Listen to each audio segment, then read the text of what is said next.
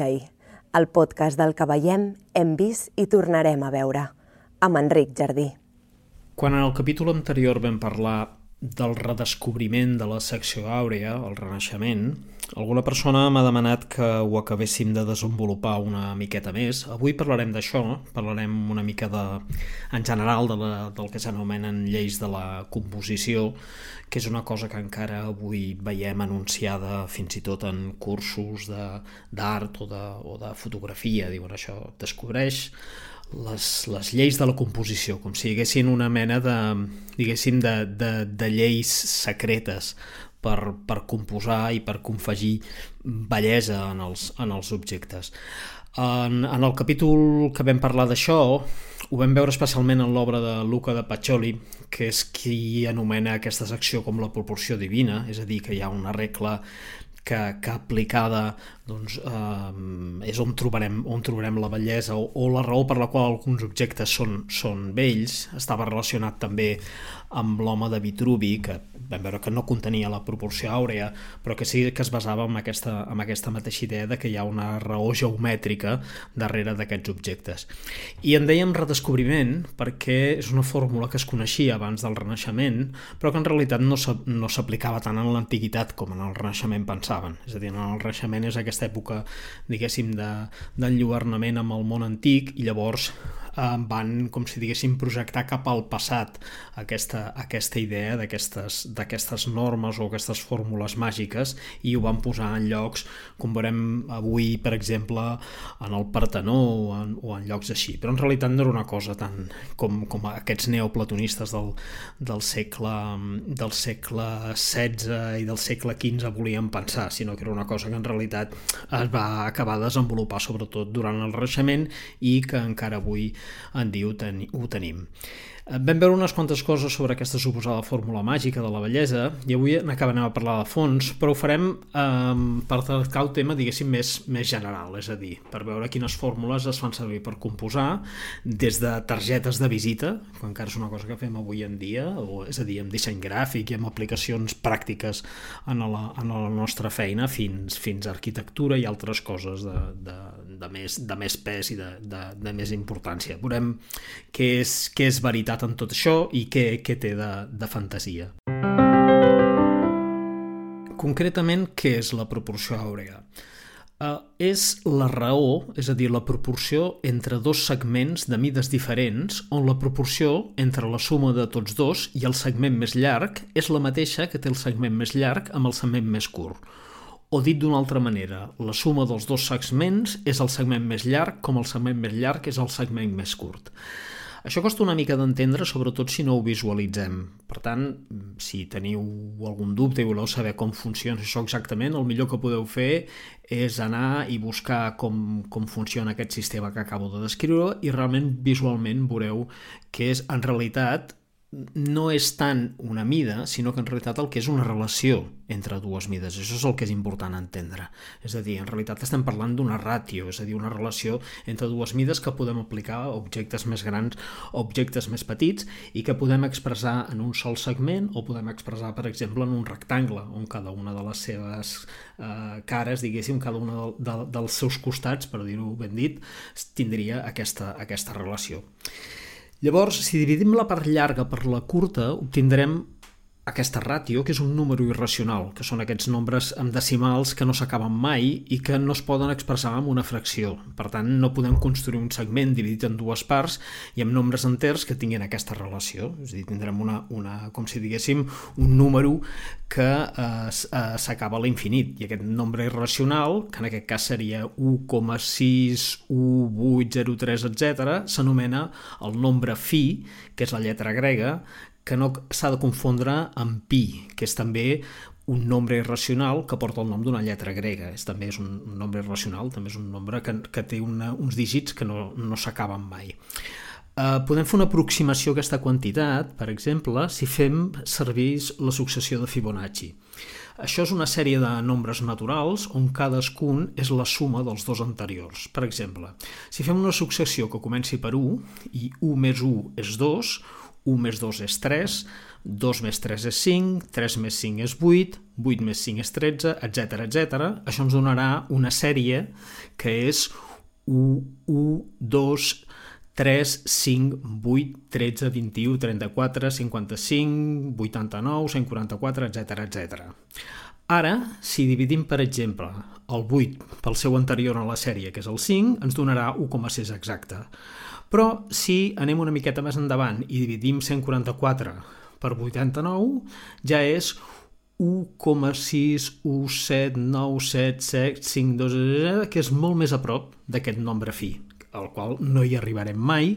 perquè, com dèiem, és un nombre infinit. És a dir, en aquesta, en aquesta sèrie de números, si agafem un número i el dividim per l'anterior, ens trobarem que ens anem acostant cada vegada més, com més alt sigui el número, al nombre fi, que és el que s'anomena també nombre d'or o, o nombre auri, és a, dir, és a dir, aquest nombre que té, diguéssim, aquestes suposades propietats. Però té més coses. Per exemple, si dibuixem un pentàgon regular i tracem les diagonals internes, una estrella de cinc puntes, que s'anomena pentafla o pentacle, veurem que la manera com queden dividits els segments d'aquestes diagonals contenen en diverses combinacions aquesta proporció famosa. És només que us entretingueu a buscar una mica d'informació sobre el nombre d'or, la proporció àurea, que és el mateix, o les característiques de la relació que té amb les seqüències de Fibonacci, tot això trobareu infinitat de,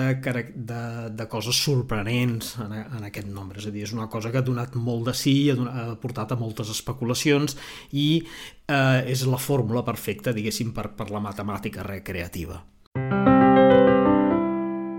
Juntament amb la informació que trobeu sobre aquestes propietats tan sorprenents de la proporció àurea, segurament també us diran que es troba a la natura. Per exemple, a la disposició dels pètals d'algunes flors o en els nervis d'algunes fulles o el cas més conegut, si ja sabeu alguna cosa d'aquest tema, és en la closca del nautilus, un molusc, o per entendre'ns un cargol de mar, encara que exactament no és un cargol de mar, però per entendre'ns és un animal marí que té aquesta mena de closca, i aquesta closca té l'estructura en espiral del que s'anomena espiral d'or. Aquesta forma s'obté dibuixant quarts de circunferència inscrits en els quadrats que tenen als costats de les mides de les successions de Fibonacci i endreçats de forma creixent en espiral. Aquesta és una imatge que segurament moltes vegades heu vist reproduïda, és a dir, aquesta estructura dibuixada a sobre de la closca del, del Nautilus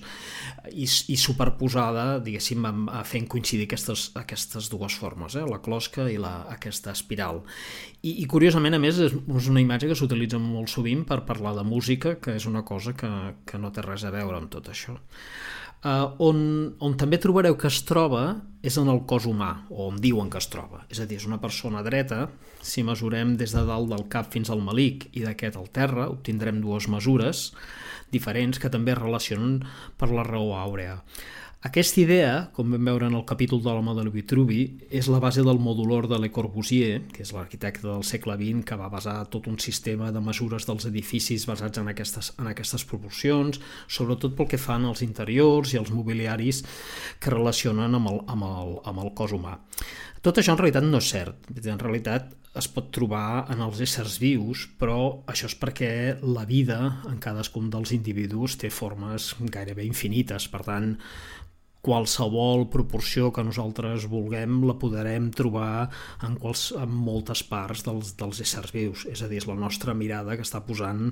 en aquests llocs aquesta, aquesta proporció. Per tant, si ens hi posem, podem fer encaixar la proporció àurea en moltíssims llocs. Eh? Per exemple, en l'ésser humà,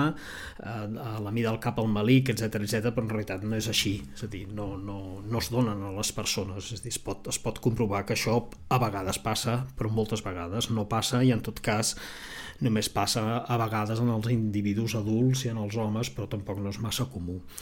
En el cas del Nautilus tampoc és així, és a dir, encara que fos exactament així, i de fet molts dels Nautilus no, no tenen aquesta proporció, però en cas que es donés en aquesta espècie, hem de pensar que existeixen un, aproximadament uns 75.000 espècies de closca amb espiral. Per tant, que estem dient, en realitat, si acceptem que el Nautilus té aquesta forma, estem dient que el Nautilus és especial, o és millor, o és superior a les altres espècies, i els altres són inferiors o són pitjors, per alguna raó, és a dir, en realitat és que encara que el Nautilus tingués aquesta proporció, mm, no vol dir res, és a dir, tampoc no, no, estem, no, és una, no és un ésser superior als altres ni és, ni és més perfecte. Per tant, és clarament la nostra mirada que la que posa aquesta proporció en les coses. I és una cosa que en part és normal, també perquè hem vist que la proporció àurea té totes aquestes característiques sorprenents, totes aquestes curiositats matemàtiques, i per tant hi ha una idea aquí al darrere que és pensar que això sorprenent ha de tenir, eh, ha de tenir una característica, ha de confegir unes característiques de superioritat a aquells elements que, que ho tinguin. La realitat és, doncs, que posem la proporció àurea allí on volem veure-la. Això encara dura avui, no és una cosa del Renaixement ni del segle XIX, que és quan es comença a parlar de totes aquestes coses en les espècies, ni tot això, sinó que avui en dia encara estem amb aquesta obsessió. Feu una prova, busqueu a la xarxa Apple Logo i després poseu-hi Golden Ratio i trobareu més d'una imatge que relaciona la marca de la poma, del logo d'Apple, amb aquestes estructures àurees. Eh, en realitat, el creador d'aquest logo, que és una cosa que es va fer l'any 77, no va posar-hi tot això. És a dir, aquí que hi ha hagut algú que, fascinat per aquestes dues coses, fascinat pels ordinadors Apple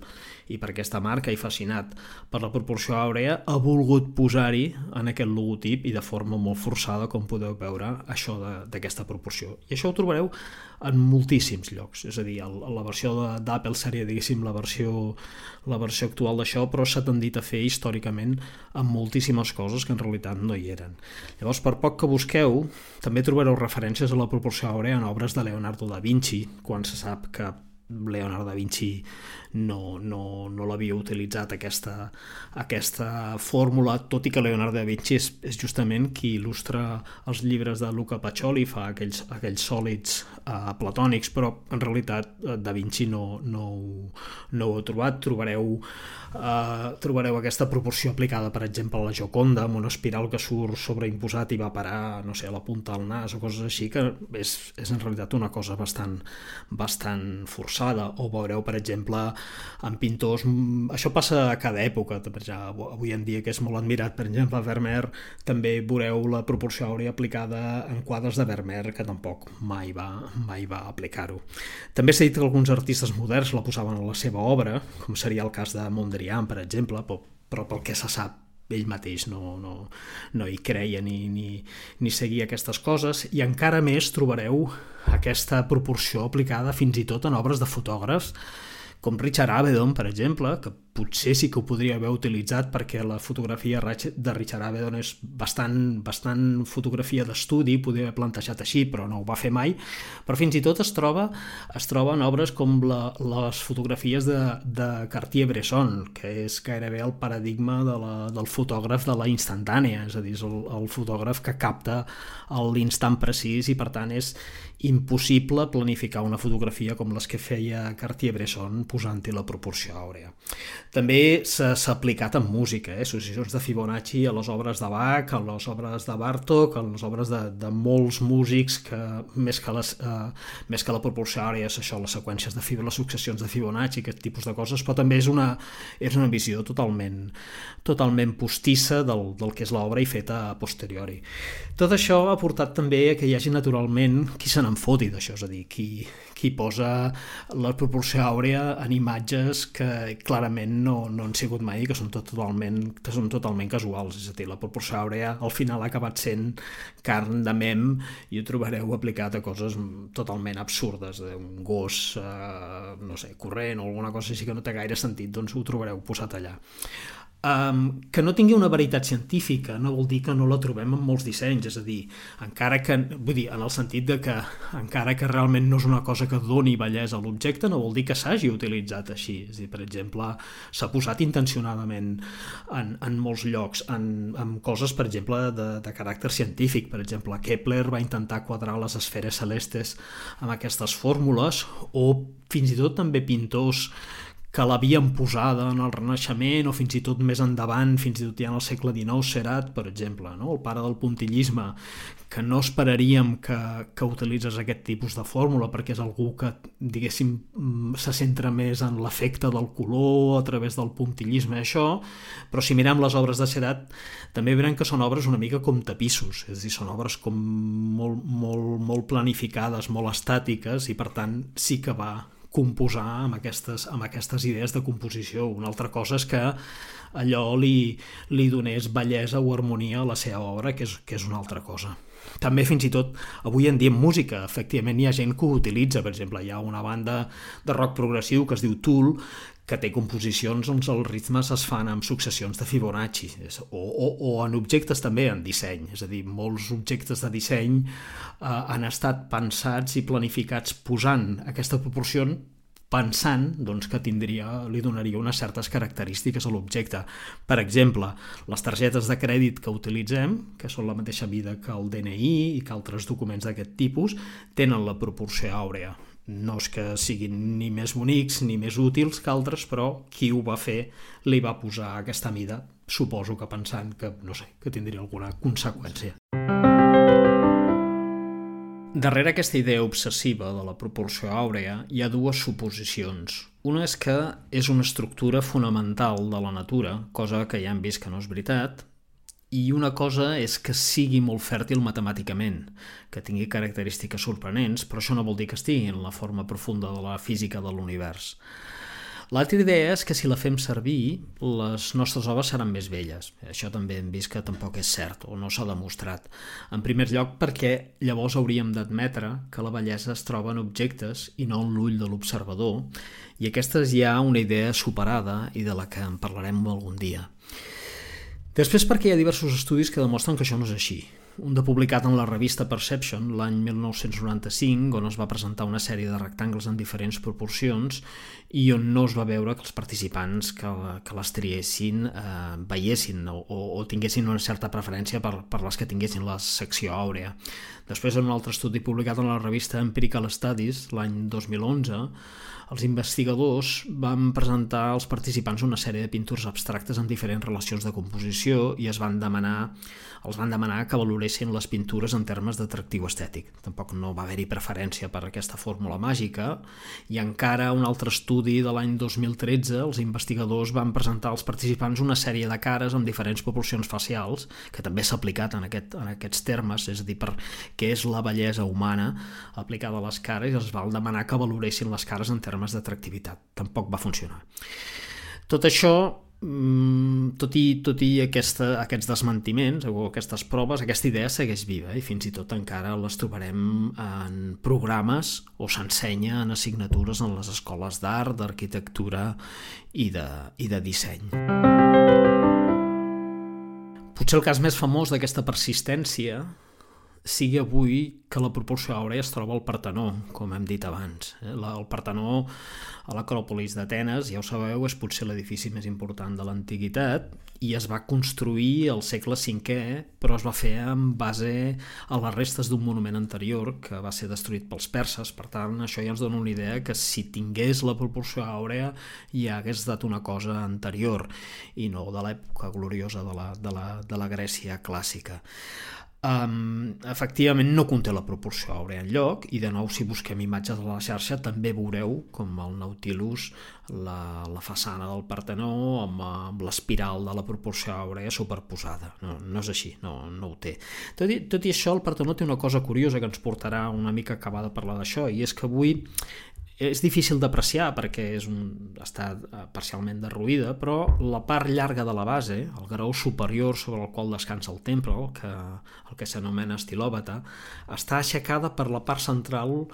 una mica més que els costats. En la part llarga són 10 centímetres i en la part curta són 5 centímetres. És a dir, és una diferència molt petita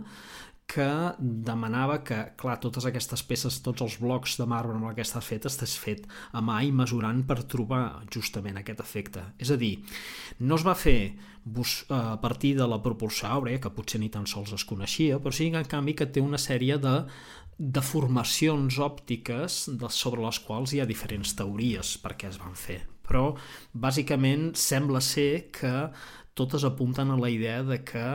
eh, quan la veiem la deformació òptica, l'aberració, diguéssim, que fa la nostra pròpia visió, queda compensada per aquestes deformacions i això li dona una certa mm, és molt més monumental, és a dir, és, és, sembla una, un objecte més gran i més imposant del que és. Aquesta, aquesta idea és interessant perquè està una mica en contra d'aquesta altra mena de truc que dèiem, és a dir, la bellesa no es trobaria tant en una fórmula, sinó que en realitat és més aviat un truc, és un petit truc òptic que ajuda que es vegi, es vegi millor. Per tant, hi ha realment trucs, fórmules que funcionen en composició? De fet, fórmules n'hi ha moltes, i la majoria són de proporcions aritmètiques simples eh, divisions de l'espai en quarts, en terços, etc.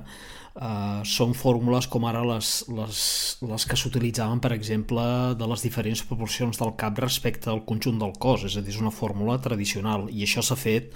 pràcticament amb totes les civilitzacions que han intentat fer cànons o models o models de bellesa. Ho fem, per exemple, els egipcis o després s'ha fet en la civilització occidental, en la cultura occidental, han anat canviant segons, segons l'època. Això encara ho trobem, per exemple, com dèiem al principi, en, en cursos de, de fotografia, en els quals et diuen que, que hi ha uns, uns, uns secrets de la composició com si algú els tingués i no s'atrevís a revelar-los i ells t'explicaran que utilitzant aquestes proporcions les fotografies sortiran millor. De fet, en les càmeres eh, es poden visualitzar moltes vegades aquestes divisions dels espais. Per exemple, la llei dels terços. Eh, ja està molt estès dir que si divideixes tant l'espai horitzontal com l'espai vertical en terços, um, i composes els elements quan entraran dins aquests quadrants en realitat funcionarà millor. Tampoc és que no, no és que sigui ni veritat ni mentida. En realitat aquestes línies sobretot serveixen per fer una divisió senzilla de l'espai que això es, es, es percep bastant bé, especialment les, les meitats horitzontals i verticals i també a vegades per no fer eh, horitzons que estiguin torts i coses així, o línies verticals que també estiguin tortes i que no siguin verticals, però per tant no són, diguéssim, fórmules que estigui demostrat que, que funcionin, però ens agrada pensar que les coses són així, que si seguim aquestes regles les coses ens, ens sortiran bé. I naturalment, totes aquestes coses, quan es fixen, aquestes lleis, diguéssim, de la composició, és en el, és en el Renaixement. Encara que hi ha fórmules que són més antigues, però és sobretot en el Renaixement quan se'ls hi dona nom i quan s'intenta fer-ne, per dir-ho així, llei. Si anem, per exemple, a Florència, bastant a prop de l'estació de, de tren, podem anar a un dels seus monuments més importants, que és Santa Maria Novella, que està construïda l'any 1470. Està construïda l'any 1470 exactament la façana que veurem des de fora, perquè el que és la, la basílica és, és, és anterior. I aquesta façana és falsa com és falsa la façana de moltes esglésies, començant per exemple per la mateixa catedral de Barcelona que és del segle XIX o sense moure'ns d'Itàlia, per exemple la basílica de Sant Petroni a Bologna que molta gent es pensa que és la catedral és un, ja veureu que, és, que és, està inacabada, només hi ha la, la part de baix. Això era bastant comú, ja sabem que les, aquestes esglésies es construïen al llarg de molt temps i no, no diguéssim, no, no s'acabaven fins més tard. En aquest cas, aquesta església, la façana la va fer un personatge molt important, que és Leon Battista Alberti, que va ser arquitecte, matemàtic, poeta,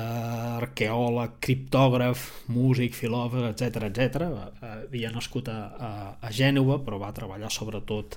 a, a Florència a l'època del, del Renaixement i sobretot mm, diguéssim Alberti no és tan conegut per la seva obra, per l'obra que va executar sinó sobretot pel que va teoritzar. Quan vam parlar de l'home de Vitruvi vam veure que moltes de les obres del món clàssic que havien arribat al, al món de les ciutats italianes i vam parlar de Vitruvi, el, el teòric de l'arquitectura llatí, que ell va integrar i va traduir i va sobretot divulgar. I en diferents obres seves, en diferents obres d'Alberti, va parlar, per exemple, en el D'Estatu va parlar de les proporcions del cos humà, després de De Pictura va parlar de la perspectiva calculada, és un dels que va teoritzar més la, la perspectiva de punt únic o de diversos punts de fuga, i després, en l'obra que dedica a l'arquitectura, descriu tots els tipus d'arquitectura i és qui introdueix, com dèiem, aquesta idea de, de, de Vitruvi. Si mirem la, la façana de Santa Maria Novella, veurem que és una façana com si diguéssim gràfica, és a dir, té una sèrie de marbre, eh, una sèrie de, de, de, de línies i de formes que estan molt marcades, és a dir, és una, és una façana com si diguéssim amb poc volum però molt, molt visual, molt clara. I ja podem fer una anàlisi de les formes, sobretot de la forma que ell va fent a la part superior, que està fet com si diguéssim d'unitats quadrades, és a dir, la base són com dues unitats quadrades a banda i banda de la porta central i aquesta mateixa unitat quadrada es troba en la part, en la part superior i en la part superior també trobem el frontó triangular que remata aquest conjunt i als costats hi ha com unes, com unes volutes. És una forma que recorda les formes clàssiques i recordem que estem en una època que les esglésies encara fins no fa gaire s'estaven fent amb l'estil gòtic i l'estil gòtic no té, diguéssim, aquesta idea, com si diguéssim, de planificació geomètrica, ni de la façana ni d'altres parts. És dir, encara que sigui un sistema constructiu molt sofisticat, eh, agafar una façana i dividir-la en quadrats per fer un sistema totalment modular és una cosa totalment nova en la història de l'arquitectura i en realitat totalment nova en el món visual. És a dir, fins en aquell moment no s'havia fet mai això d'agafar un pla i dividir-lo, diguéssim, d'aquestes formes tan regulars per planificar una estructura com aquesta. Per tant, existeixen lleis naturals de la composició? Existeixen fórmules que permetin que els objectes, si els construïm d'aquesta manera, siguin més vells?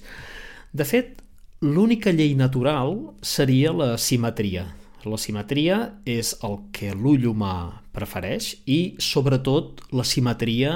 amb un eix vertical. És a dir, tendim a preferir les figures centrades i tendim a preferir aquelles formes, especialment les formes naturals, que tenen un eix de simetria vertical, no horitzontal, sinó vertical.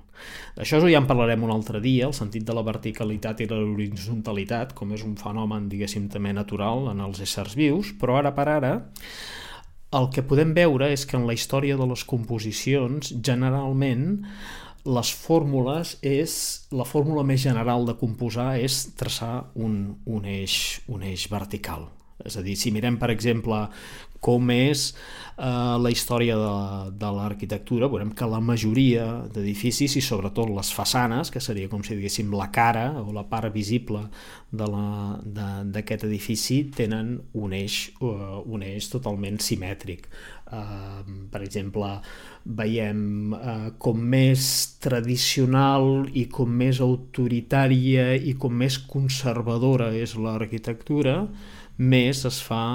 amb un eix vertical de simetria. Pensem, per exemple, en el cas de Versalles. No? Versalles seria gairebé una hipersimetria on tenim un punt central que és la mateixa habitació on, on estava el rei i tots els jardins i les tanques i tot el que hi ha al voltant està organitzat a partir d'aquest eix central. Um, després, amb la modernitat, uh, a vegades aquestes coses es trenquen. Per exemple, en el barroc mateix eh, ja comença a haver una barreja de formes simètriques, en formes orgàniques, en formes diagonals que trenquen aquesta, aquesta forma. Anem trobant de tant en tant aquests trencaments i sobretot quan arriba la modernitat, diguéssim, quan arriba el pas del 19 al 20 i les avantguardes i tot això, veiem que es trenca aquest, aquesta simetria i de fet la simetria es considera com una cosa um, antiga i que cal, i que cal trencar. De, es busca aquesta mena de dinamisme de les diagonals, de la simetria. Per exemple, si mirem el monument a la Tercera Internacional, o la, o la que es coneix com la Torre Tatlin, feta per, per Vladimir Tatlin, veurem que és una torre eh, que no es va arribar mai a construir, però veiem que el projecte és un, una cosa mm, que no és simètrica, eh, sinó que és com una mena de torre inclinada que va cap amunt, però després veiem que el mateix, el mateix règim comunista que es torna, diguéssim, eh, jeràrquic i conservador i clàssic, després l'arquitectura que farà posteriorment tornarà a ser una arquitectura totalment centrada en l'eix central. Si anem, per exemple, al famós edifici de la Universitat Estatal de Moscou, és un edifici que té també una estructura totalment, totalment centrada. Per tant, aquesta tensió entre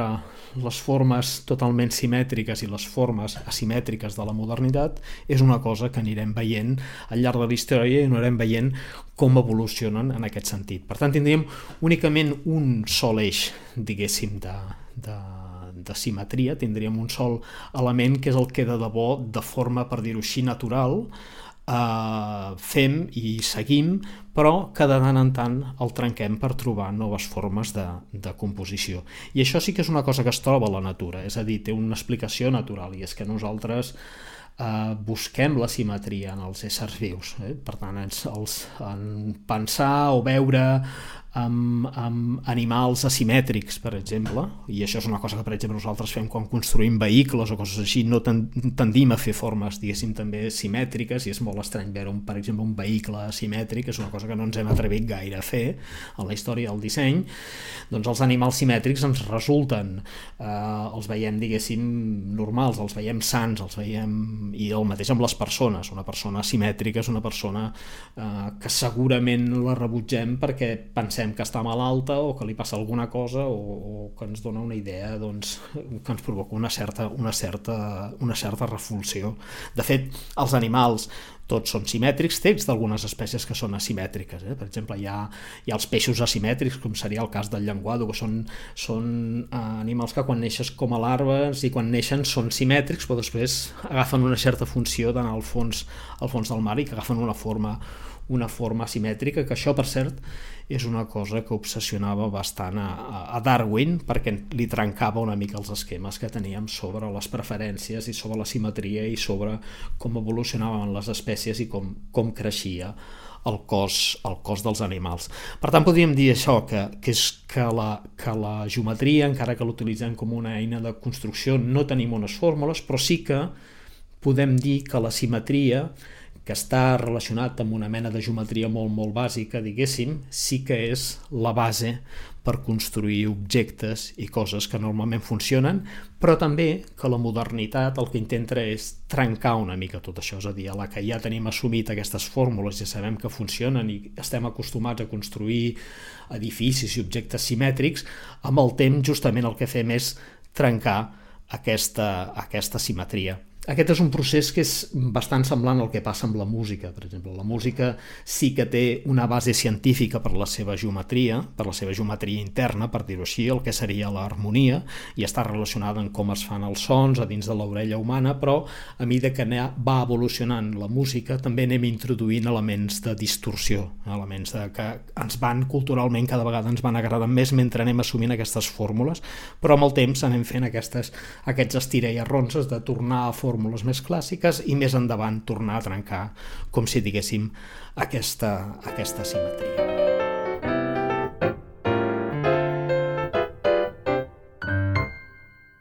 I en el següent episodi parlarem de l'aura, és a dir, la corona que porten els sants.